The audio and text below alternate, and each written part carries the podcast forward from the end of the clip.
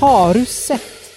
Superkåpa er kanskje ikke den mest sexy turneringen, men det er faktisk en del penger å hente der nå, etter de siste års avtaler. Og i disse tider kan en faktisk hevde at både Barcelona og Real Madrid trengte pengene aller mest. Men slike hensyn tar ikke Atletic Klubb, de vil ha trofé. La liga loca. En litt gærnere fotball.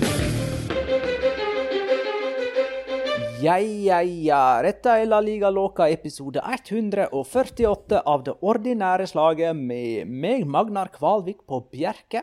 Hei. Eh, og med deg, Petter Veland eh, Spydeberg. Hei. Nei, på Nei, i Spydeberg. Hei. Nå prøvde jeg Jeg prøvde på ordentlig å si det sånn som det uh, ifølge deg skal være, men jeg klarte ikke det. Nei. Jeg kan bare si at jeg er ved siden av eh, Askim, langs Glomma. Hei. Hei. Hoi, Jonas Giæver i Oslo sentrum. Hei. Assalam aleikum. Der er det ikke noe feil å ta. Det er i Oslo sentrum uansett. Det er det, og siden du er så god til å sparke og i gang smalltalks, Jonas, skal du få lov til å gjøre det nå.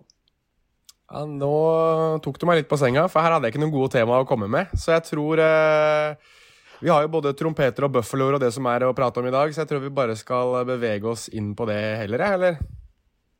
Ja, Petter, du har ikke noe smalltalk-emne heller? Aldri. Nei.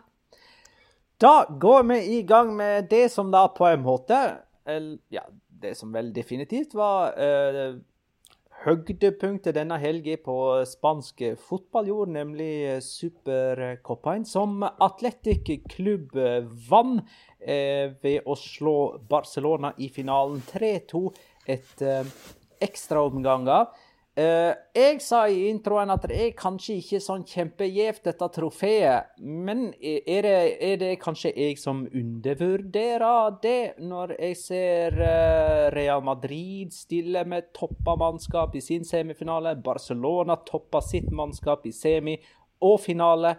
Eh, og Atletic-spillerne legger seg ned og griner sine modige tårer når de løfter trofeet til værs. Eh, Petter skal få lov til å svare. Eh, ja, du undervurderer det vel kanskje litt da. Altså, jeg tenker sånn at enhver konkurranse bør egentlig ja, få sin egen verdisetting. Jeg tror kanskje det er vanskelig å sidestille den spanske supercupen i 2021 for de fire lagene med supercupen i 2015, eller den supercupen som PSG nettopp vant i Frankrike, eller en sånn Community Shield-variant i England som sliter med eh, å egentlig få supporterne til å bli med på at dette er et viktig trofé.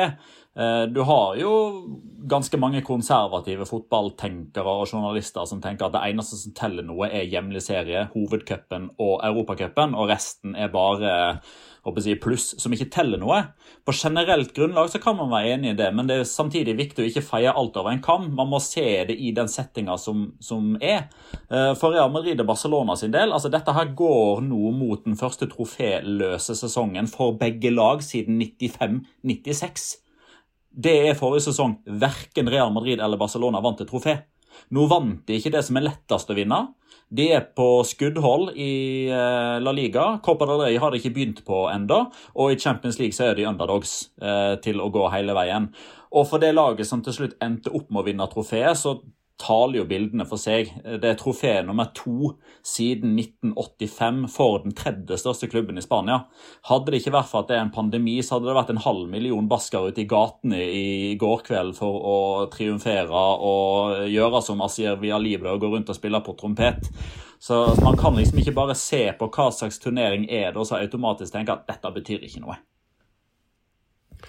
Jonas?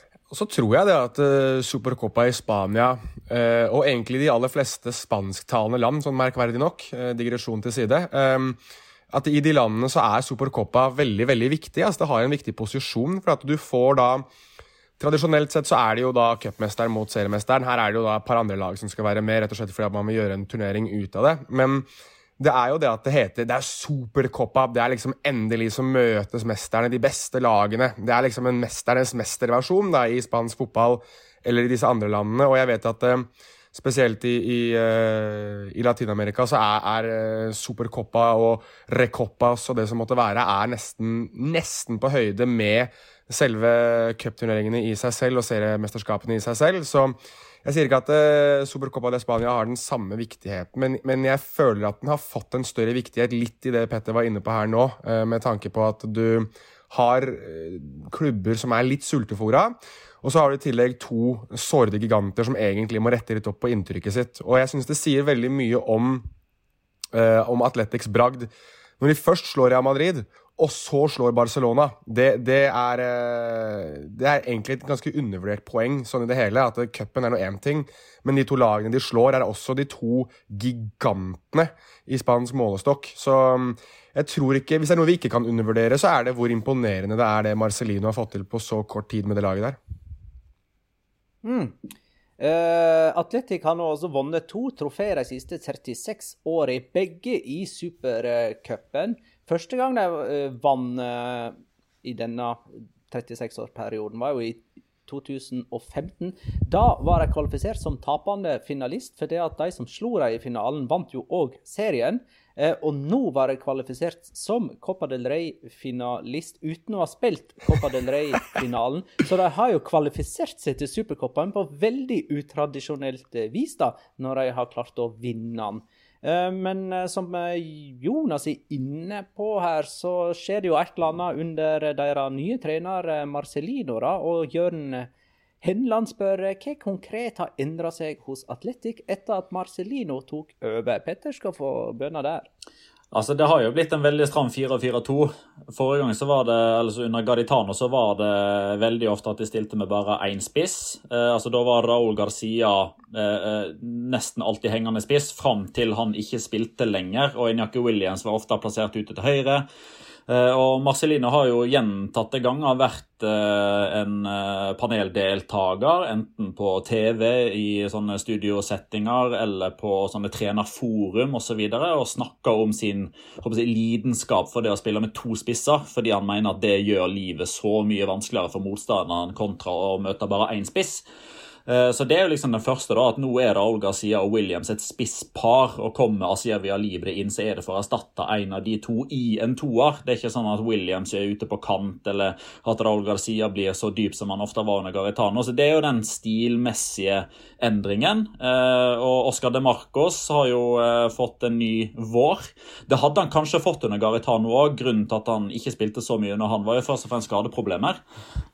Og så er jeg jo òg litt spent på å se de mot Retafe straffe nå i den neste kall det vanlige kampen. For jeg er litt usikker på om vi kan hogge alt dette Atletic har gjort mot Barca, Madrid og Barca som noe de skal gjøre til vanlig, eller om det vi har sett nå er trekk som Marcelino kjører mot antatt langt bedre motstand. Så jeg er for litt usikker på om de kommer til å kjøre både Capa og De Marcos på høyresida på hjemmebane i en kamp der de er favoritter, f.eks. Så Retafe er neste ja, de har vel en cupkamp nå mot Ibiza på torsdag. Det blir òg en sånn som man ikke kan uh, dra noe særlig ut av. For der møter de et lag som de vil være veldig mye større favoritter mot enn til vanlig. Ja, Ibiza som slo Celta Vigo 5-2 i forrige Copa del Rey-runde. De, ja. Eh, også i eh, La Liga så er altså Getafe neste motstander for eh, Atletic. Og er det sånn at det er to lag som ser hverandre litt sånn i, i spegelen der? For så ikke Atletic litt ut som Getafe in disguise? Eh, I alle fall i andre omganger mot Eller andre ekstraomganger, får en nesten si, mot Barcelona. Jo, da var det vel uh, Via Libre som tok på seg Damian Suárez-rollen der, da, i form av det å være rasshøl, men uh, Nemlig! Ja. Det var Damian Suárez med uh, løsskjegg. Det var det. Det var det. det var, uh, du hadde tatt det lange, flagrende håret Damian Suárez har på hodet og satt rundt kjakan på Asier Via Libre. Um, ja, nei, De var mye, mye, mer fysiske og mye mer Jeg tror um, nøkkelordet for Atletic nå under Marcelino er direkte. Altså, De ser så direkte ut i måten de spiller fotball på. Det er ikke uh, ting som skal altså, noe særlig gjennom midtbanen. Hvis de kan spille direkte opp på, på Inyaki som løper i bakrom, eller uh, Raúl Garcia som vinner i luftrommet, så, så, gjør de heller det. Og så får de dette ettertrykket som eh, Valencia også var veldig kjente for. Jeg ser uh, noen, noen, av de samme konturene i det at uh, Iker Moniain spiller litt den samme rollen som Carlos Soler f.eks. gjorde uh, i, i, Valencia. så man ser noen av konturene av, av, de to lagene der, og jeg tror at den direkte spillestilen passer det materialet som um, som Atletic har. Og, og um, jeg syns også forsvaret deres i spesielt den kampen mot Barcelona Riktignok slipper de inn to mål, men de ser uh, bunnsolide ut. Og jeg tror at Unai Núñez uh, har blitt uh, vippet litt av pinnen. Jeg tror det er uh, Jeray Alvarez som skal inn og ta den rollen ved siden av Inigo Martinez, for de utfyller hverandre så fantastisk bra.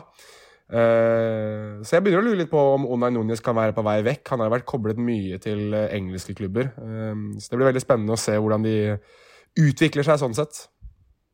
Jonas K. Lindgren vil at vi skal snakke litt om Buffaloen og trompetspilleren Asier Via Libre. Men vi... vi er jo egentlig helt sikre på at det er Damian Suárez med ja, men, forkledning, da. Men kan vi bare få tatt med det, altså først og fremst Altså det er, det er, baller, det å pakke med seg en trompet ned til Sevilla i, sånn, i, i håp om å vinne eh, Supercopa. For jeg gjetter jo på, jeg må nesten håpe at det er noe han pakket med seg ned istedenfor at han fikk det skippa til finalen.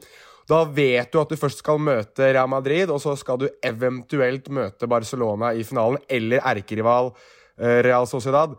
Altså det, da har du ordentlig ordentlig moxie, som man sier på engelsk, når du klarer å pakke med deg dem. Og så i tillegg, i tillegg får anledningen til å spille på trompeten òg. Det Nei, jeg, eh, det toget har nesten Det kan jo hende at det var Rizzadori som tok den med, da, Jonas. Han var jo besøkte Det var sånn voldsomt så de haussa opp det der besøket til Aritzadoris på spillerhotellet før kamp.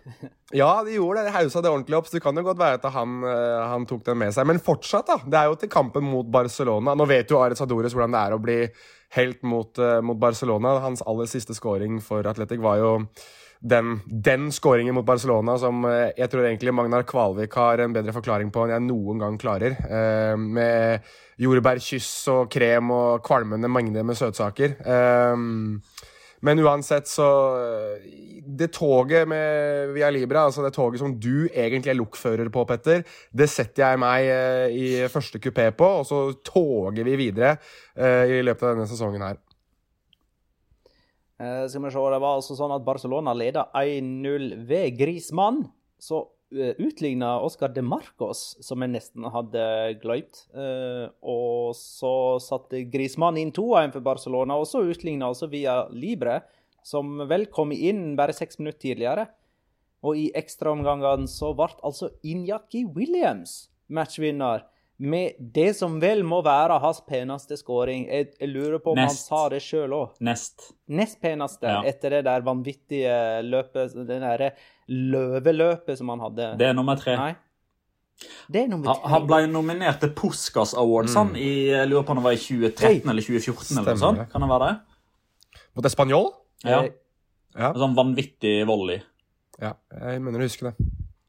Men det er de tre, var, var da. Det da han var det da han chippa ballen over en motstander først? Ja, og så banka på volley.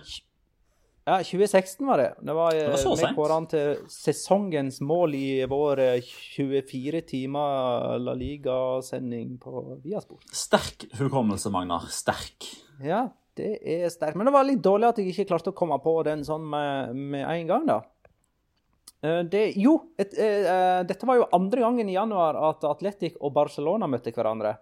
Eh, og det ble jo 3-2 i begge oppgjør. Først da til Barcelona i serien, og så til eh, Atletic her nå. Og så skal de jo møtes igjen 31.1 òg, i serien på ny. Det er jo bare å glede seg. Uh, Via Libra var for øvrig mann som fikk Lionel Messi utvist. For første gang? Kan man si det sånn, eller? Ja, det må du kunne si. Eller skal vi egentlig heller si det sånn at det var Messi som fikk Messi utvist? For det, det er Messi som slår. Det, det, og du kan, jeg kan ta dette spørsmålet fra Mathias Bolghauge Pinto. Får ikke Messi vel mye sympati? Grunnen til at man slår noen, er vel strengt tatt uvesentlig. Vold skal jo ikke forekomme uansett. Nei, men det er vel ingen som forsvarer handlingen. Men man kan vise en viss eh, hva skal jeg si, forståelse for at det bikker over. Ja. Eh, uten at man rettferdiggjør handlinga. Eh, og det er jo litt sånn Dette er Barcelona-kamp nummer 753. Uh, eh, la oss si at i snitt så får han fem frispark imot. Mm. Eller han, han får fem frispark i løpet av en kamp. Burde kanskje hatt det dobbelte. Så runder vi litt ned, da, skal vi si at dette var 7000. gang han ble tatt. Og det er første gang han reagerer på den måten der.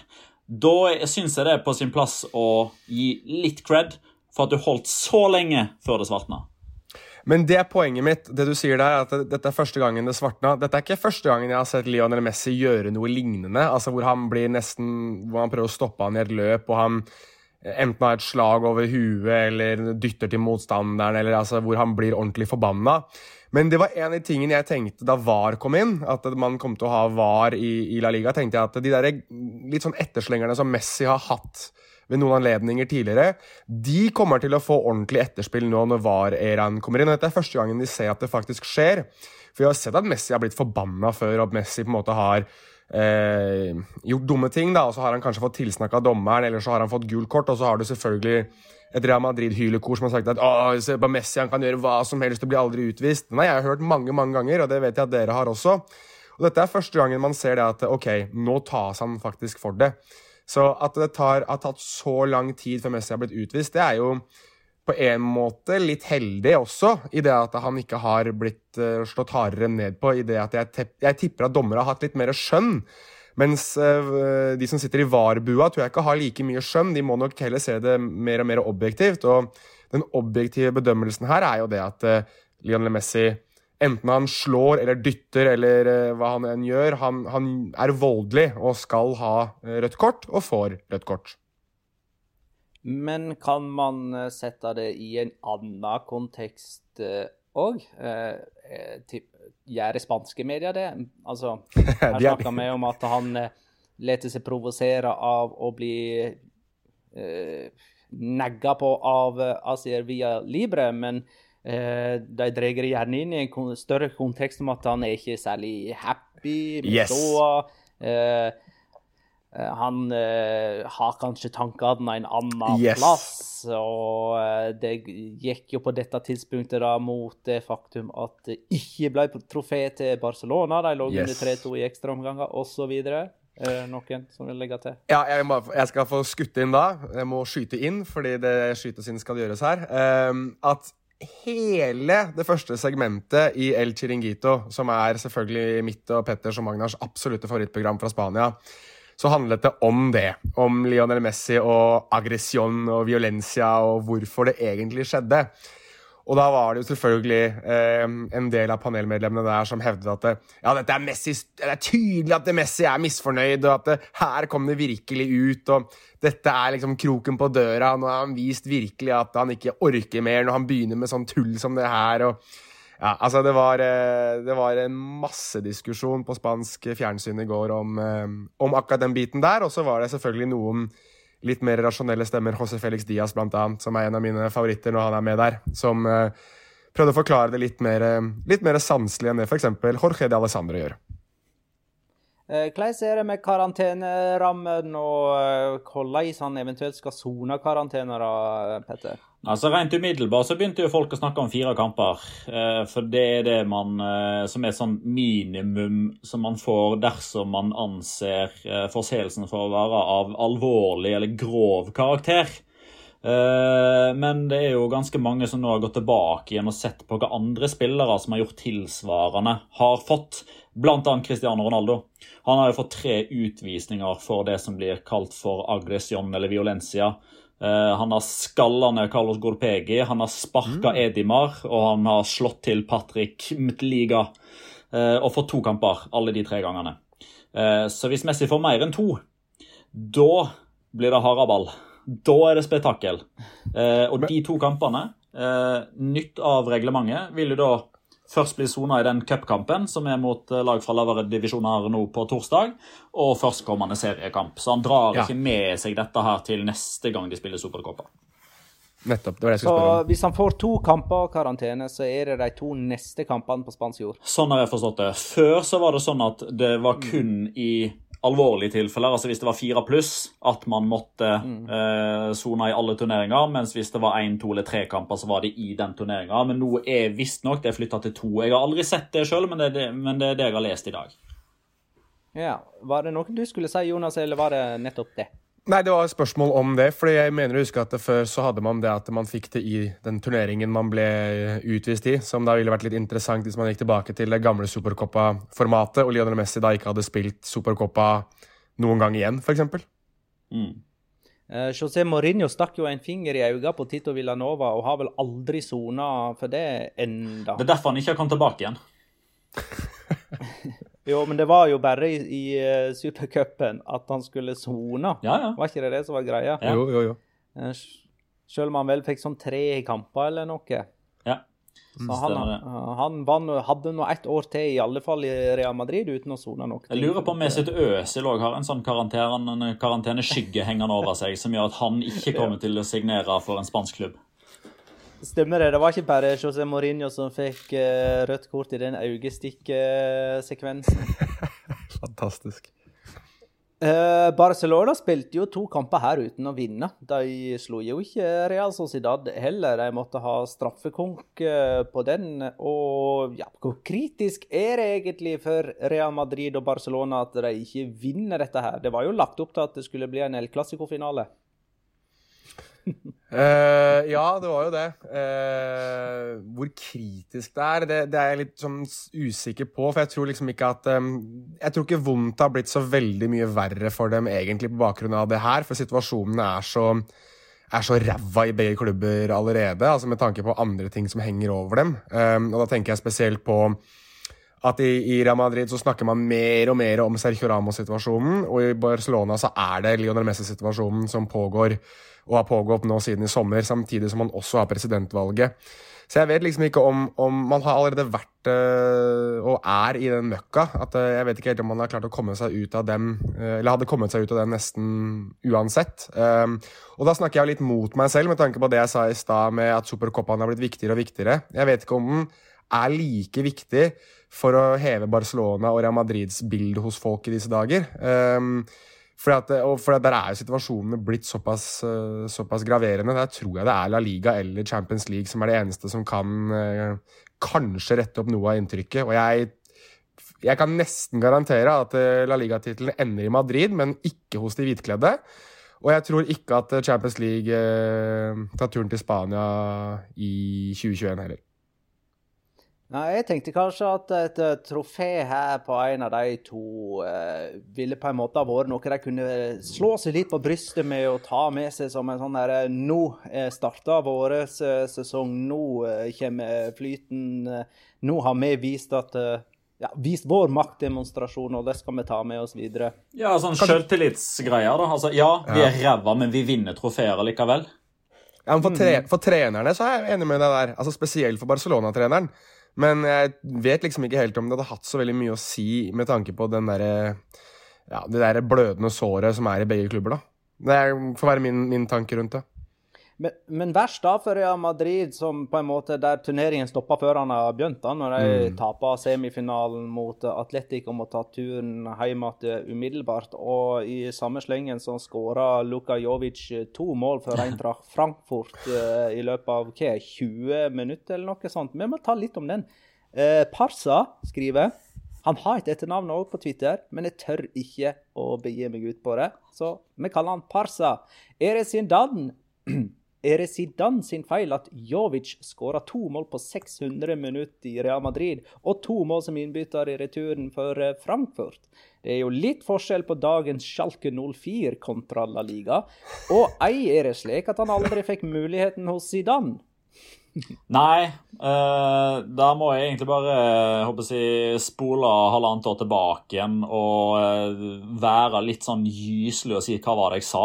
Altså, Lukajovic har ikke Real Madrid-nivå til å være en spiss som skal triumfere i den klubben der. Fordi vi har sett så mange i Nederland, i, kan til og med ta i Spania, i, i Italia, Frankrike, som har én sånn fantastisk sesong der alt bare flyter. Man er i ei sone, man har gode lagkamerater, man trives på og utenfor banen. Alt går på skinner, det går stang inn.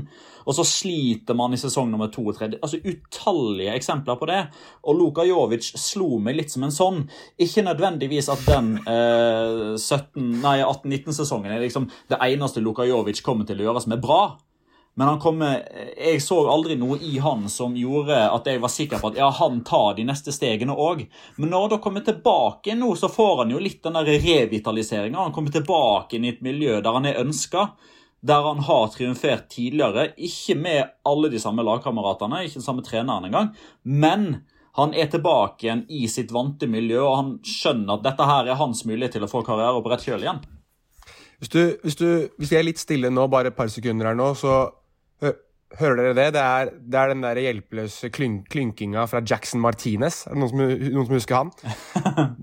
Den der ene sesongen hans for Porto og den der gigantovergangen til Atletico Madrid. Nå skal det riktignok sies at Jackson Martinez gjorde vel ikke så veldig mye etter den der Porto-overgangen. Jeg tror ikke han var noe spesielt god i Kina heller, men det er mer Jackson Martinez her enn noe annet. Altså, det er Alessio Cerci, det er Claes Jan Huntelar hadde en sånn uh, greie da han gikk til Real Madrid også, husker jeg. At han var en målskårer av rang. Eh, Premier League ja, Hvis vi går enda litt uh, lenger tilbake i tid, altså Mathea Kesman og alle de ja. der som banka inn 40 mål i Eredivisie, falt gjennom hver gang. Afonso Alves. Der har du enda en. Ja. Jan Wennegrov Hesseling. Men, uh, men uh, Luka Jovic kan jo skåre masse mål nå i Frankfurt. Altså, så, sånn at han er ikke bare ei døgnfluge nødvendigvis. Men det jeg syns er litt moro, er jo at uh, Mariano Diaz, som jo òg var utlånt i sin tid fra Real Madrid, skåra jo ganske bra for Lyon. Og nå er Luka Jovic utlånt fra Real Madrid. Og eh, ja, har en god start i Eintracht Frankfurt. Uh, husker Alvaro Marata, da han var utlånt fra Real Madrid, skåra ganske bra for Juventus, inkludert mot Real Madrid i Champions League. Ja, altså en ting som jeg syns er fascinerende, og det har vi snakket litt om og Vi kan jo egentlig ta med Edran Zad i den der, uh, sammenfatningen her. Og det er jo litt det at jeg, jeg tror uh, du kan ha nivået, og det tror jeg Luka Jovic har. Det tror jeg Alvaro Morata potensielt kunne ha hatt. Det vet vi at Edran Zad har. Men den personligheten, den auraen av å spille på Santiago Bernabeu, den derre uh, dette er mitt hus-følelsen som Cristiano Ronaldo for eksempel, hadde i så mange år. Den, det koster mye å ha den type personlighet, og du ta, skal ta fotballen blodseriøst for at det skal fungere. Hvis vi ser på Barcelona, så ser du Antoine Griezmann har slitt med akkurat det samme, han også. At han har ikke helt klart å gjøre Camp Nou til sitt. Nå begynner det så smått å se litt bedre ut. Men de aller fleste som har spilt i, eh, i Real Madrid, som blir kjøpt spesielt på spissplass, har overhodet ikke klart det. I det angrepet er det ingen som har klart det etter Cristiano Ronaldo. Um, og da begynner jeg å lure litt på om Real Madrid ser seg litt blinde på tall. At de ser seg litt blinde på det at, at Og det er litt rart å si, for vi har jo eh, på en måte hyllet Real Madrid for ikke kjøpe Star Power, ikke bruke store summer på spillere. Men nå har de begynt å gjøre det lite grann igjen, og de brenner seg hver eneste gang. Så jeg, jeg, er eh, Jeg skal ikke på en måte holdt på å si kaste de som rekrutterer i Real Madrid under bussen. Men jeg, jeg begynner litt å lure litt på hvor mye det går inn i den der personlighetssøken som jeg vet at veldig mange scoutere veldig mange klubber er såpass opptatt av i disse dager. Skal vi, har vi noe nytt å si om eh, Martin Ødegaard, eller? Han eh, Det gikk jo en video, sin seiersgang på Twitter, av at han ble eh, liksom redusert til en som måtte drive med egentrening etter at semifinalen mot Atletic var ferdig, og var aldri i nærheten av å komme inn i oppgjøret. Og vi er nå ja, det 18 januar. Eh, litt over halvveis i overgangsvinduet. Jonas? Ja, jeg skal la Petter få lov til å få resonnementet her, men jeg skal bare få skutt inn også det at det var jo en video der Zinedine Zidane også gjorde et poeng ut av å mm, nesten skjelle ut Martin Ødegaard ved flere anledninger i uh, den kampen mot, uh, mot Atletic, og um, med rette. Altså, det, det, det Skjelle ut Ødegaard? Hæ? Selta, vel? Var det Selta? Ja, da blandet jeg kampene. Da beklager jeg. For han, eh, Ødegaard kom inn i kampen mot Celta ja. Eh, Vigo for ei tid tilbake siden. Riktig. Og, og eh, de minuttene han fikk der, var Zidane misfornøyd med, og siden så har ikke han spilt noe som helst. Der har vi det. Men den videoen har jo ikke blitt uh, omtalt så altfor mye, og da syns jeg det er greit at vi uh, som faktisk snakker spansk fotball, omtaler den. At det har vært videoer som har sirkulert der det har vært ganske åpenbart at Zidane har vært misfornøyd med prestasjonene til Martin Ødegaard. Og så har man jo også sett den siste tiden at Zidane også har backet Martin Ødegaard og sagt at han har troa på at han kommer til å gjøre det godt. Men det burde ikke være noen tvil eh, rundt det at uh, Martin Ødegaard virker å være ja, hva skal jeg kalle han for noe, et sjettevalg, femtevalg, sjettevalg på midtbanen til Real Madrid nå.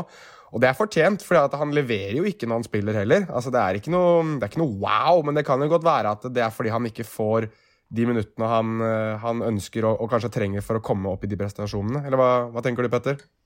Nei, det er jo eh, klink umulig å ikke være enig i at eh, nå er det tøff. Det er tøffe tider. Det går ikke akkurat eh, rett framover. Det gjør det ikke. Det jeg sitter og tenker, er litt sånne type videoer. Altså den Celta-kamp altså, Den tidsperioden som da går mellom Celta-kampen og det øyeblikket denne videoen blir publisert, det tar ganske lang tid. Uh, og jeg ser jo nå at nå har jo folk eh, visstnok kommet fram til årsaken til at Venicius er ute i kulden òg. Og det var visstnok fordi han, han, reagerte på feil måte da han fant ut at han ikke fikk starta mot City i den åttedelsfinalen nå tilbake i februar-mars, eller hva det var. Uh, I fjor? Ja, ja. Uh, og jeg, jeg syns bare jeg ser en litt sånn rød tråd på to forskjellige ting som Ødegaard har blitt en del av. Det ene er at man nå begynner å lete etter og finne årsaker til at man ikke spiller, som ligger litt sånn tilbake i tid. Det kommer ikke samme dag eller dagen etterpå, men man leter kanskje litt, og så går man tilbake i arkivet og så finner man et eller annet som kan passe det narrativet om at han er ute i kulden, og så smekk, blåser man det ut som om at det er en fasit. Det er den ene tingen. Det er aldri mm. bra å være involvert i en sånn prosess som Ødegaard nå er, fordi videoen sirkulerer, den lever videre, og det kan godt hende at den forteller sannheten. Den andre tingen er at det Zinedine Zidane sa om Martin Ødegaard i forkant av Supercopa-semifinalen mot Real Sociedad, det er fine ord, men det hjelper jo ikke en puck. For det har han sagt om absolutt alle som ikke får spille, bortsett fra Jovic. Og han har de sendt på utlån. Han har, sagt om, han har sagt om Marcelo, han sa det om Bale, han sa det om Hames. Ja, de er viktige, og så lenge de er her, så er de viktige, og de skal få sjansen. Så akkurat det Zidane sa der, det vil jeg ikke ha lagt noe, noe som helst betydning på i positiv forstand. Det man kan begynne å legge uh, jeg, vårt håp i, da, som nordmenn, er jo at Martin Ødegaard virkelig tar vare på den sjansen han får mot Alcoyane på onsdag. For hvis han ikke får starta der heller, da sier jeg at det er åtte dager igjen av overgangsvinduet, altså. Eh, jeg vil bare presisere at den videoen jeg refererte til eh, innledningsvis her, det var av eh, Martin Ødegaard som måtte ta sånne lange drag over hele banelengden etter at Real Madrid Atletic-kampen var ferdig nå. Han måtte ikke ta det. Han valgte å ta det. Og det er vel derfor folk ja, snakker det... om det. At det gjorde ikke Militao, og det gjorde ikke de andre som ikke varma opp, eller sånn Ja. Jo. Men, men, altså, han hadde jo ikke tatt det dersom han hadde spilt, så i den forstand måtte han ta det for å få treningen ut av dette oppgjøret, han òg. Eh, det var sånn jeg sikta det, da. Ellers så husker jeg at Ramyar Baban spurte oss uh, til forrige episode hvem vi trodde kom til å vinne supercupen, og jeg nevnte Atletic. Jeg vil bare understreke det. Hadde ikke vi tippekonkurranse på det? Jo, vi hadde jo det. Jo, men den var veldig veldig uformell uten at noen ting sto på spill, dessverre. Oh. Uh. Uh, uh, hvordan blir reglene for Supercupen neste år? Det er jo helt like. Som nå? Ja, bare da har man en cupfinalist som har vunnet. Ja. Eh, jeg er litt usikker på det der likevel. For det at hvis en av de cupfinalistene er innenfor topp fire, og, eller eventuelt har vunnet ligaen og sånne ting, så, så skjer det noe nytt. Også, ja. jeg, det jeg prøver å fiske til nå, det er at eh, jeg tror at neste år så er Real Madrid og Barcelona semifinale, sånn at man får garantert El Clásico denne gangen. For eh, man uh, har snubla uti det uh, de to foregående sesongene ved at, Atletico, nei, at Real Madrid og eller Barcelona har snubla i semifinalen. og Dermed så har ikke det blitt El Clásico i Supercopa. Var det ikke Real Madrid som var med i Supercopaen sist gang pga. deres historiske viktighet for spansk fotball, eller noe sånt? da? Var det ikke hva, hva, hva var det? Tredjeplass, i La Liga. Beste, kvalifi altså, Ja. beste kvalifiserte lag som ikke var enten vinner eller tapende cupfinalist. Ja, Ja, det var okay. topp fire fra ligaen som var Ja, nei, det blir spennende å se. Eh, det blir spennende å se. Men hva syns du om konseptet, da? Jeg liker det. Jeg syns det er et kult konsept. Jeg synes det er uh, litt morsomt. Men jeg syns det er gøy at lagene legger så mye i det. Det er jo det som gjør at det er gøy.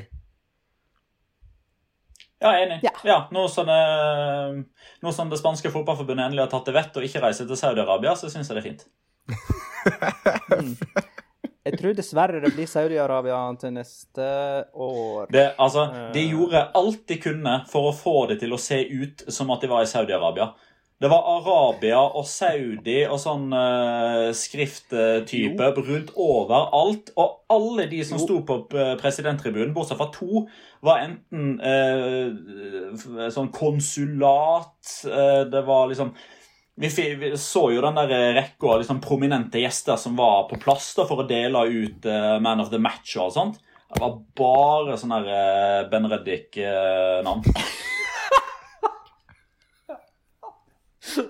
skal, skal jeg pipe? Ah, jeg vet ikke om det er lov å si, men det er greit. Bare Ben Reddik. Det er jo akkurat det samme som å si at det bare er Ola Nordmann eller Jorge Jesus og Men altså, poenget mitt nå er jo at pengene kommer jo fortsatt derifra. Oh, ja. Altså, det, avtalen med Saudi-Arabia er jo ikke endra selv om eh, man måtte spille i Spania denne gangen.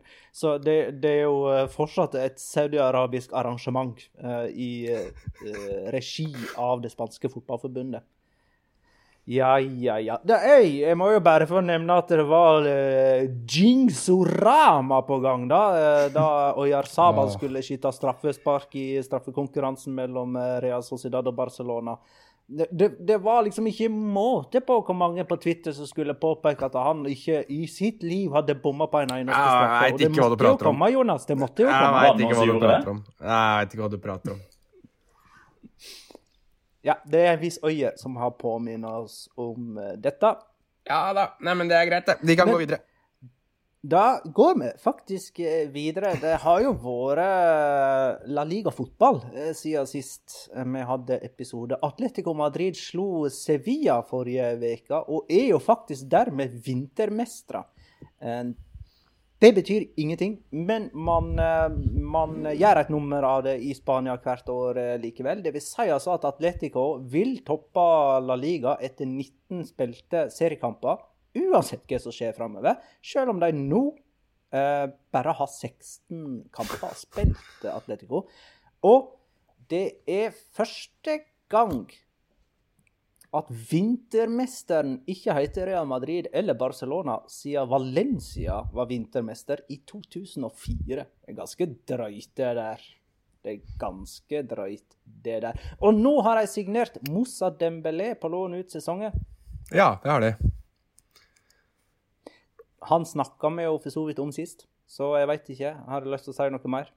Nei, nå er det formelt. Nå er det gjort. Nå er han på plass, og da skulle man vel kanskje tro at det kun er et tidsspørsmål, kanskje, før Diego Costa eh, finner seg en ny klubb. Nå er han jo ferdig i Atletico Madrid, så jeg regner jo nesten med da at man Vanligvis har det vært sånn, eller i hvert fall noen tilfeller så har det vært sånn at man ikke har underskrevet de siste papirene sammen i tilfelle tilfelle, at man på en måte kunne hente, ha hentet ham tilbake på en korttidsavtale. Det har jeg i hvert fall sett ved et par anledninger før, at man har hatt den muligheten, men eh, regner med at Diego Costa nå sikkert spiller i Kina eller Brasil ved neste episode.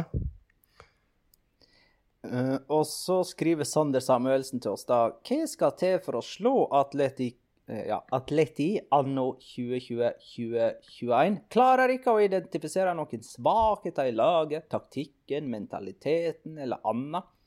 Og vel En svakhet kan jo være å meddele kompiser uh, tippetips med innsideinformasjon som gjør at man blir utestengt i ti uker. Jeg vet ikke.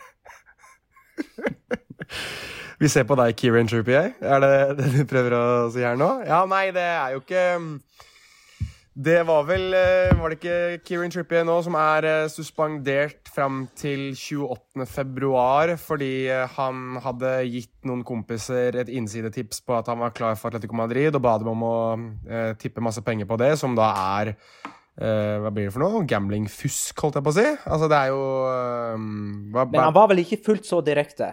Nei, men det var vel lump on Atletico Madrid eller noe sånt. vel, han skrev eh, var vel det som i hvert fall blitt gjengitt i engelsk presse, at han var ganske tydelig på, på det. Litt sånn som Daniel Sturridge i sin tid også eh, var visstnok veldig tydelig på at han kom til å signere for Sevilla. Eh, og det gikk jo ikke gjennom. Så um, det kan jo være at uh, Det kan jo være at uh, Kieran Trippier sånn sett var litt mer uheldig enn det Daniel Sturridge var, for Sturridge ble vel aldri dømt til slutt, tror jeg. Um, uansett, det Men ja, glem nå det. Det er ikke så viktig Det er ikke så viktig hva som skjer, men, men, men poenget er vel uansett det at uh, Kieran Trippier har vært ganske viktig for, uh, for Atletico Madrid, egentlig begge veier, og i større og større grad også offensivt, så uh, Nå kommer jeg faktisk ikke på jeg, i farta hvem det er de dytter inn der istedenfor uh, Det var Salko, da. Å, herregud! Lever de har ikke noen reell backup eh, på høyre bekken, eh, skjønner du, så det er ei greie det der. Men eh, bare sånn, var ikke dette eh, Var ikke han del av ei WhatsApp-gruppe der kompiser spurte eh, skal du til Atletico Madrid, og han sa Jeg husker ikke helt hva han sa, men eh, det får bli opp til dere sjøl om de vil sette penger på dette, liksom. Eh, det, var, det var noe ganske løst eh, eh, ganske løst svar der egentlig ting hang litt i lufta, selv om han langt på vei bekrefta ting. Og så er det jo det engelske fotballforbundet som har på en måte Mm. Hva skal man kalle det? Tiltalt han? Ja, det er jo det, at dette er, det, er, jo det dette er jeg brudd på, på. på regelverket overfor betting, da. Ja, Det er jo det jeg reagerer på, at eh, et nasjonalt forbund kan ilegge straff som går utover en uskyldig tredjepart, som jo her er Atletico Madrid. Altså, ja vel, men sett han ut av landslaget, da. Men Ja. der òg kommer liksom den der eh, betimelige tidsperioden han er utestengt. Oi, England skal ikke spille i den perioden. De, de skal faktisk møte et engelsk lag. De skal møte Chelsea i Champions League uten Kieran Trippier. Og så er han klar igjen når, når VM-kvaliken begynner i mars. Nei, Jeg syns hele greia der er snusket, altså. Dette var, det var også noe som Atletico anka til Fifa, men de har nå avvist dette her. Så Trippier er ute til 28. februar, og det er vel rett etter det første møtet med Chelsea, da. Ja, eh, altså. FA ila jo han ti uker fra og med Det var vel rett før jul. Sånn at den så å si, sperrefristen er 28. Eh, og den kan ikke flyttes på noe som helst måte. Så 1. mars er Kieran Trippier i hermetegn fri uansett hva som skjer. Men det Atletico gjør nå, er jo å klage inn dette her til Kass. Som gjør at igjen så kommer denne uh, De kommer til å få en, en såkalt cautelar, som er det spanske ordet. Uh, altså at straffen blir fryst, utsatt, som gjør at han kommer til å spille noen, eller én eller to, eller jeg vet ikke, den tida det tar før KAS gir beskjed om at enten så er det greit, eller så er det ikke greit. I løpet av den perioden så blir karantenen fryst, eller utestengelsen blir liksom null and void fram til den eventuelt da trer i kraft igjen på et senere tidspunkt. OK. Siden vi er på eh, Atletico Madrid, serielederen, så spør styrmann oss eh, hvem er på deres pall over mest undervurderte spillere i La Liga. F.eks. Stefan Savic, skriver styrmann, har vært omtrent bunnsolid for Atleti, men blir jo aldri nevnt, eller eh, han blir sjelden nevnt som en av kontinentets beste stoppere. Mm, mm. Uh, jeg vet at du, Jonas, har tenkt på en spiller som er, så, er undervurdert. à la Savic, da, uh, ifølge styrmann. Ja, altså, han er vel kanskje Savic er vel kanskje noen hakk bedre, sånn i tråd med at han spiller i Atletico Madrid, men jeg har jo eh, kjempet hans sak i denne podkasten her i hvert fall et år eller to nå, og det er Marko Dmitrovic. Jeg synes Dmitrovic er en ekstremt undervurdert keeper. Uh, altså, ikke bare det Greit nok at han kanskje ikke er type Ederson med ballen i beina, men eh, skuddstopping ut i feltet, ha kontroll. ehm, kommunikasjon virker det som òg. Syns jeg Dmitrovic er eh, kjempegod. Jeg synes han hadde vært mer enn god nok for, f.eks. Sevilla, da. Eh, Den tid eh, Jan Oblak, Tibo Thibaut Courtois og Marc-André Ter Stegen er keeper for de tre største, så, så glemmes jo Dmitrovic uh, veldig ofte. Men jeg, jeg, jeg lar meg fascinere over at Eibar fortsatt har ham, og at han eh, er såpass god som han er. Altså, det er en- den redninga på det skuddet til Oros Racic eh, da um, Eibar møtte Valencia, er, no, altså, det er noe av det villeste jeg har sett. For jeg tror ikke, jeg tror ikke Oros Racic kunne sparket den ballen noe hardere og, uh, mot mål, og at uh, Dmitrovic, som da har La Ligas uh, hva skal jeg si for noen sterkeste overarmer, klarer å vippe den over uh, tverrleggeren. Det um, Nei, det, jeg, jeg syns han er så undervurdert at han hadde Skulle jeg lagt, satt på sånn der uh, undervurdert 11, så hadde han definitivt vært keeperen min. Ja, litt sånn i Hvis, vi, hvis styrmann legger lista på Savic, da, eh, så tar jo du det på mange måter ned et hakk, eh, Jonas, som du sjøl sier. Hvis jeg, Ja. hvis jeg prøver å liksom finne som er i sånn noenlunde samme kategori, da, med tanke på klubbstørrelse, eller at de er ganske kjente, men kanskje ikke så kjente eller så høyt oppe på eh, x antall beste i sin posisjon. Eh, Så kan jeg vel tenke meg å nominere tre stykker. F.eks. José Luis Gaya, som ennå ikke er spansk venstreback på landslaget. Eh, Det syns jeg han burde vært klink nå. Nå har han jo til og med lært seg å legge inn uten at han ser ut som en ballettdanser. Eh, Enn så lenge. enn så Enn lenge. så lenge. Enn så lenge. Uh, Jules Condé begynner etter hvert å få den anerkjennelsen han trenger. Jo. Han er, ikke, han er ikke undervurdert, altså. Han er nesten Jo. blitt overvurdert nå, så mye som Nei, nei, nei, nei, nei, nei, nei, nei, nei. Må du gi folk, deg? Folk snakker fortsatt om Diego Carlos. Folk snakker om at å, nå kommer Sevilla til å tape mot Alaves i morgen fordi Diego Carlos har fått korona. Slapp helt av. Jules Condé er frisk. Ja, det er det går fint. Ja, men, Og den, den tredje men de folka vet ikke hva de prater om. Det gjør vi. Ja, det er greit. Folk vet heller ikke hva de snakker om når de snakker om at Spania fortsatt leter etter hvem som skal bli den neste forsvarssjefen til Sergio Ramos, for det er kommer til å bli, og har vært nå i et år, Pau Torres. Glem å snakke om noe som helst annet. Ok, Den er jeg med deg på. Jeg er med deg på Pau Torres. Jeg veit ikke Hvis jeg skal legge inn et Ja. her, da Det må du. eh, Så har jo jeg i mange år meint at Gerard Moreno er undervurdert. Eh, Såpass undervurdert var han at eh, Real bare dytta han vekk eh, og ut til Español, der han skåra 16 mål, liksom. Og først da fikk lov til å liksom endelig vise seg fram i gult. Eh, og forrige sesong så var han den mestskårende spanjol i La Liga. Eh, og jeg veit ikke om han blir snakka noe særlig om. Jonas, har du lyst til å si noe? Ja, mens vi er inne på undervurderte eller overvurderte spillere, er det vi som har undervurdert, eller er det Westham som har overvurdert Yusuf. Nesiri? West Ham For nå har de klaska visstnok Det snakkes vel om et uh, bud pålydende totalsum på 30 millioner euro for uh. Nesiri. Og vi har jo snakket om at han kanskje er den beste dårlige spissen i uh, Europa, eller i La Liga, eller whatever it may be.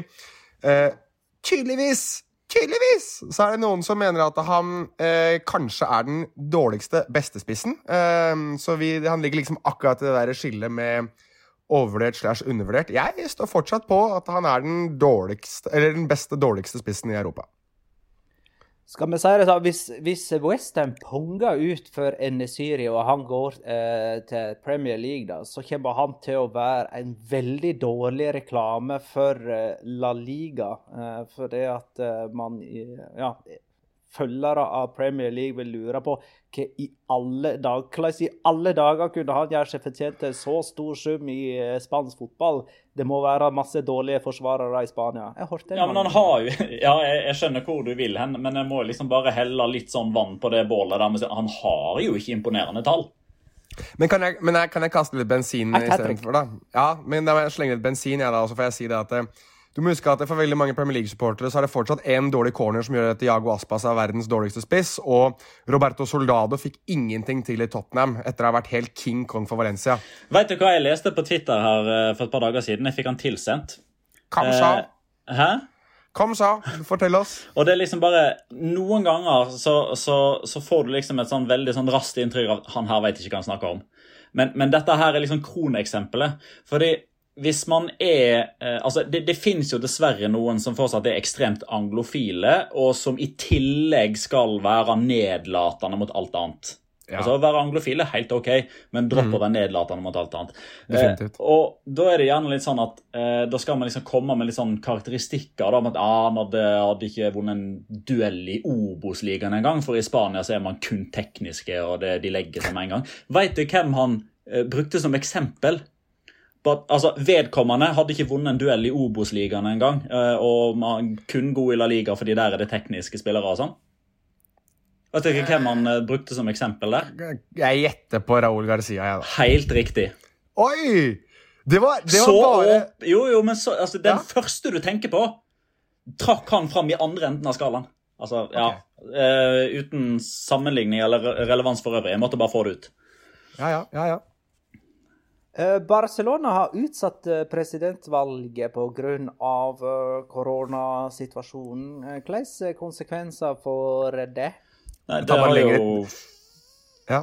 Fått sin konsekvens av at Erik Asia ikke kommer. Eh, det var det jo reelle muligheter for. At de hadde kommet til enighet med Manchester City om å betale en veldig liten sum nå, og så variabler som de kunne kvittere ut seinere. Eh, det var oppe til eh, jeg høring blant de tre presidentkandidatene som står igjen nå. Freisha, Laporta og Font. Eh, og de hadde nok klart å eh, kunne, om en ikke henta pengene rett fra klubbkassa, i alle fall klart å stille for, for garanti eh, gjennom sine egne investorer eller sine firmaer osv., som gjorde at Ronald Koeman kunne ha fått Erik Garcia nå. Det er jo liksom det eneste utad synlige, men det gjør jo at klubben vil være ustabil eh, i halvannet måned lenger enn hva som egentlig var planen. Eh, og det er veldig mange Barcelona-supportere som er veldig irritert på Carlos Tosquets, som jo nå er øverste mann uten makt, som uh, har gjort veldig mye rart. Uh, for det første så har han snakka altfor mye. Altså Han har svart journalister på spørsmål som enhver annen Barcelona-president ikke ville ha kommentert. Eh, åpenbart utilpass med å være eh, på vei fra A til B med kamerateam hengende på seg. At han bare han under og, og svarte på det journalistene lurte på, istedenfor å bare gå videre. Det er den ene. Og den andre er jo at han gjentatte ganger har eh, sørga for at denne prosessen med å få ny Barcelona-president har Det var sirup hele veien. Ikke åpne opp for muligheten til at eh, medlemmene kan f.eks. avgi eh, stemmer via mail eller post eller digitalt. Eh, Det arbeidet ble jo aldri satt i gang før det var for seint til, til at det i det hele tatt var reelt å få til innen eh, denne fristen, som jo da egentlig var 24. januar. Og så mener ganske mange at han har liksom ikke vært tydelig nok overfor helsemyndighetene i Catalonia på at dette presidentvalget er det mulig å gjennomføre på smittevernmessig vis. Eh, Så det ender jo opp med at eh, det er vel 6. mars som er den nye datoen, som gjør at eh, alle presidentkandidatene må jeg bruke enda mer eh, penger, tid, krefter, energi på å overbevise medlemmene om at det er de som skal bli valgt. Og ja, klubben er egentlig uten en leder halvannen måned til. Ja, det er bare kjapt uh, innspill der. Altså, det gjør jo bare at det tar lengre tid før uh, Joan Laporta blir ny president. Det er vel egentlig strengt tatt det som virker å skje nå. Det er jo altså, det er så i emning, det der John Laporta-greiene. Og det var ikke noen sånn jeg, fikk, jeg skjønte ikke helt hva poenget var med det, men det var en form for underskriftskampanje nå, hvor de tre uh, hadde fått en mengde underskrifter. Jeg tror det kanskje var for at de skulle på en måte Du må levere en viss mengde underskrifter eller eh, medlemmers aksept for å gå videre til neste runde av presidentvalget. Og der var det vel John Laporta som Hva var det for noe? Han Fem eller seks ganger flere enn det Victor Font hadde, og enda flere enn Tony Freisha. Så det var liksom Han utklasser dem i hvert fall i de her meningsmålingene som, som er nå, da. Og da har liksom Victor Font har vel allerede lagt fram det sportslige programmet sitt, mens jeg tror ikke John Laporta har gjort det engang, jeg. Eh, den øverste lederen i Barcelona nå, Tosquets, er det fordi at han har tatt over etter han som valgte å trekke seg, og han tok over etter han som måtte trekke seg. Eh, Sandro Rosei tilbake i sin tid måtte jo i fengsel etter den Neymar-overgangen, og da tok Bartomeo over som liksom bare ja, som, Han var vel visepresident på den tiden. Ja. Så vi er liksom nede på nummer tre i rangstegen inni det president eh, hierarkiet som en gang var. Nei, det er egentlig mye mye lenger bak òg, for det sammen med Bartomeo så gikk jo hele styret. Så Ja, Tosquets. Ja. har jo egentlig bare kommet fra Han har vært sånn der eh, Hva skal vi si da, vara opphøyd i syvende, liksom. Og Rosell tok jo over etter. Laporta, så der vil jo på mange måter ringen Ja. slutte. Altså, Tony Freisha har jo vært eh, talsmann uh, under begge de to presidentene. Ja. Eh, siden sist så har det jo òg vært noen trenersparkinger i eh, La Liga. Eh, nå er Mitchell faktisk eh, sparka. Vi var vel ikke i- Han rakk ikke å bli sparka før vi gikk på forrige gang. Eh, han, eh, Uesca-treneren, altså. Nei, han fikk jo sparken mandag kveld. Ja, riktig. Ja, nemlig.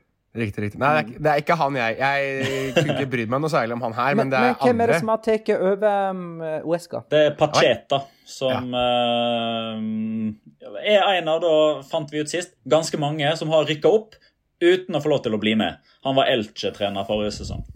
Ja. Riktig. Og så har Alaves uh, sparka Pablo Machin. Her har vi det. Dette er gøy. Og, og ansatt eh, sin tidligere trener Abelardo. Ja, og det er så gøy, for jeg syns Abelardo er så nydelig. Det er jo Altså, det er jo, holdt på å si, det er eh, Når alt går til helvete, knus eh, glasset og ta ut hammeren og Nei, altså, dette her er La Ligas egen sånn der alarmklokke. Og det er så gøy, for når, når Abelardo er med, så altså han hater jo det å være trener, egentlig, virker det som, på alle uttalelsene hans. Altså, det er bare lidelse, og det er grusomt, og han må eh, finne en eller annen måte å overkomme de verste ting i verden. Og det er Nei, jeg elsker Abelardo mer enn eh, jeg egentlig burde, tror jeg. Og um, det er ikke kjempemorsom fotball, og det, det driter jeg egentlig i. fordi at Abelardo er bare så nydelig som, som trener i alle uttalelsene. Og det er ikke pga. karisma, men det er pga. det at alt er jævlig. Alt er grusomt når han er, eh, er trener.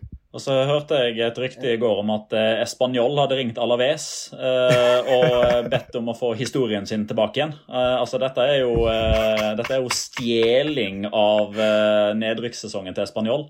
Den starta jo med Machin, som fikk fyken, Ja. og inn med Abelardo. Åh, ja, nydelig.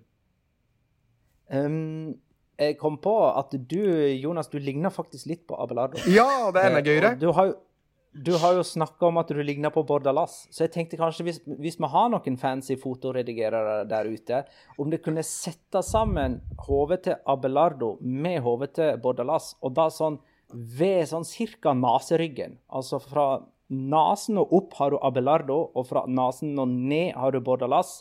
Da tror jeg du har Jonas. Eh, hvis noen føler seg kalla og har evner, eh, vær så god. Ja, da, gjør det. Da, da, ja, men da, Kan- da må vi kalle oppgjøret mellom Alaves og Retafe for eh, Jæver-derby eller La Liga Loca-derby eller noe sånt. Ja, jeg er med. Jeg er med. Ja, det, det er greit. Eh, Jeg vil jo bare påpeke at Abelardo han eh, styrte jo Alaves Når var det? 18-19-sesongen, var ikke det? Han kom inn etter og at Gianni lenge- De Biasi hadde forsøkt seg. Yes! Stjernen Johnny. Og han hadde jo Alaves oppe på Champions League-plass ganske langt ut i sesongen. Og så trakk han seg eh, ved sesongslutt fordi at han var ikke enig i styrets eh, policy. da, altså at eh, man gikk ikke, De var ikke så ambisiøse som han, da. Men nå er han tydeligvis tilbake. Så spørs det hvilke lovnader han har fått denne gangen. Og hvordan, eh, om man får eh, friere tøyler. Hva er det du sier, si, Jonas? Nei, de, eh, vi har vel en episode, og vi har vel også et begrep i eh, denne redaksjonen her fra den sesongen med Abelardo. De var jo alavester, eh, fordi at de eh, gjorde det så vanvittig bra og lå, som du sa, an til en Champions League-plass. At de lignet litt grann på Leicester den 15-16-sesongen til Leicester, var det ikke det? Starta ikke så veldig bra, da. Jo. 0-5 mot Almeria i cupen. Ja, ja, ja. Men så- pytt, pytt, som, som må til. Nå, skal, nå er det La Liga. Spiller de nå? De skal jo vinne La Liga, de nå husker dere ikke det? At, eh, sånn som Español, de skulle vinne La Liga. Nå skal Alaves vinne La Liga fra og med Abelardo eh, kom inn. Abelardo-tabellen, folkens. Det er en greie. Uh, ja, nei, de spilte nå i helga, ja. Ja, cup. Lørdag. 5-0 til Almeria. Uh, apropos det, Copa del Rey-bombe. Der har vi jo en, da. Var det flere spennende Copa del Rey-bomber i helga, Petter? Ja, det var det. Eh, Eibar eh, røyk omsider ut mot et Segunda B-lag etter å ha forsøkt eh, så godt de kunne i forrige runde uten å klare det. De røyk jo ut mot Naval Carnero, eller Club Deportivo Artistico Naval Carnero. Det er jo det kuleste navnet i spansk idrett generelt. Og han som skåra to mål der, han er jo faktisk sønn av eh, Juan Eduardo Schneider. Eh, tidligere eh, alle klubber i verden-spiller. Tidligere nummer ti for Real Madrid. Helt riktig. Eh, og eh, ja, det er vel det eneste Segunda B-laget som er videre foreløpig. Fordi alle de andre Segunda B-lagene har ikke spilt ennå. For de møter disse Supercopa-lagene på, på onsdag og torsdag denne uka her. Men eh, skal vi se Kadis røyk jo ut. eh, og Alaves røyk ut, som sagt. Eh, det var et par andre som gikk òg. Levante måtte ha ekstraomganger. Sevilla måtte ha ekstraomganger. Eh, så spesielt den lørdagen der. Da, det var ikke en god kveld for de La Liga-lagene som ville ta en eh, 90 minutter med lett jogg og spasere seg videre mot lag fra lavere divisjoner. All right. Da kan vi tippe.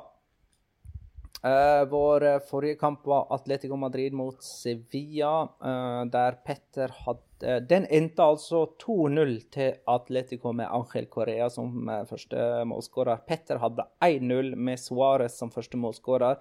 Det gir ett poeng. Petter Petter hadde 16. Jeg hadde 2-1 til Atletico med Marcos Llorente som første målskårer. Det gir ett poeng, og jeg har da 15. Jonas hadde 0-0. Det gir null poeng, og Jonas har da 4. Og så spør Mathias Haga oss hva er det som går, eh, går gale i Real Betis. Resultat og prestasjoner eh, samsvarer ikke med den troppen de har. Vel, de er nummer ti på tabellen. Er det så ille? Hvor Hva hva hen hadde vi dem eh, på tippetips, eh, Petter? Jeg hadde vel Selta og Betis var vel da inne på øvre halvdel. eh, eh, Så det er typ åtte eller ni, da. Ja, så Det er ikke så langt unna, men det er jo nettopp Celta og Betis som møtes nå, da, onsdag klokka 21. Så egentlig så kan du si at dette er um, La Liga Locas oppskrytt-derby. Eh, vi s- Oi! setter jo de høyere på tabellen eh, enn der de havner, der de havner hver gang. Eh, Så vi tar Real Betis Celta Vigo onsdag klokka 21 som vår neste kamp. Ja. Etter uh, 2-0. Fekir. Ja, jeg sier 2-1 og Canales. Kan jeg da stille et, eh, et infospørsmål? For jeg har ikke fått med meg om eh, det er kommet noen ny utvikling. Han er ikke Eh, med. Han er ikke med? Nei, han er visst ikke det. Nei. Hvem? Jago Aspas. Aspas. Fordi, Ja, nei. folkens, da kan jeg garantere dere Garantert! 0-0! Ingen målskårer. OK. Nei, men det er kult. Ja. Men uh, har vi ingen uh, Locora denne episoden? Jeg har ikke det. Har Jeg har ikke det heller. Jeg har, jeg har spart en fra Supercoppa en. Ja, men ta en, da. Ja, kom igjen, Petter. Du skal få lov til å avrunde uh, med denne episodens klimaks. Hilman Sano. Han er den eneste i verden, by far, som har vist ut Lionel Messi, Luis Suárez og Neymar. Og har blåst tre straffespark mot Real Madrid i ene samme kamp. Ja, den er fin, den. Hmm. man sa nå. En er dommer og følge med på. La du for øvrig merke til hvordan han eh, blåste av første ekstraomgang, eh, Jonas. Nei, hvordan gjorde han det? Ett et lite blås, og så tar han innkast. Uh... Ja, riktig det. Ja, Yes. du, du, har, du har påpekt den for meg ganske mange ganger før. ja, ja, må du begynne å følge med. ja, det må jeg. Da gjenstår det bare å takke for alle spørsmål og innspill som jeg har fått til denne episoden. Tusen takk for at du lytta, kjære lytter. Ha det, da.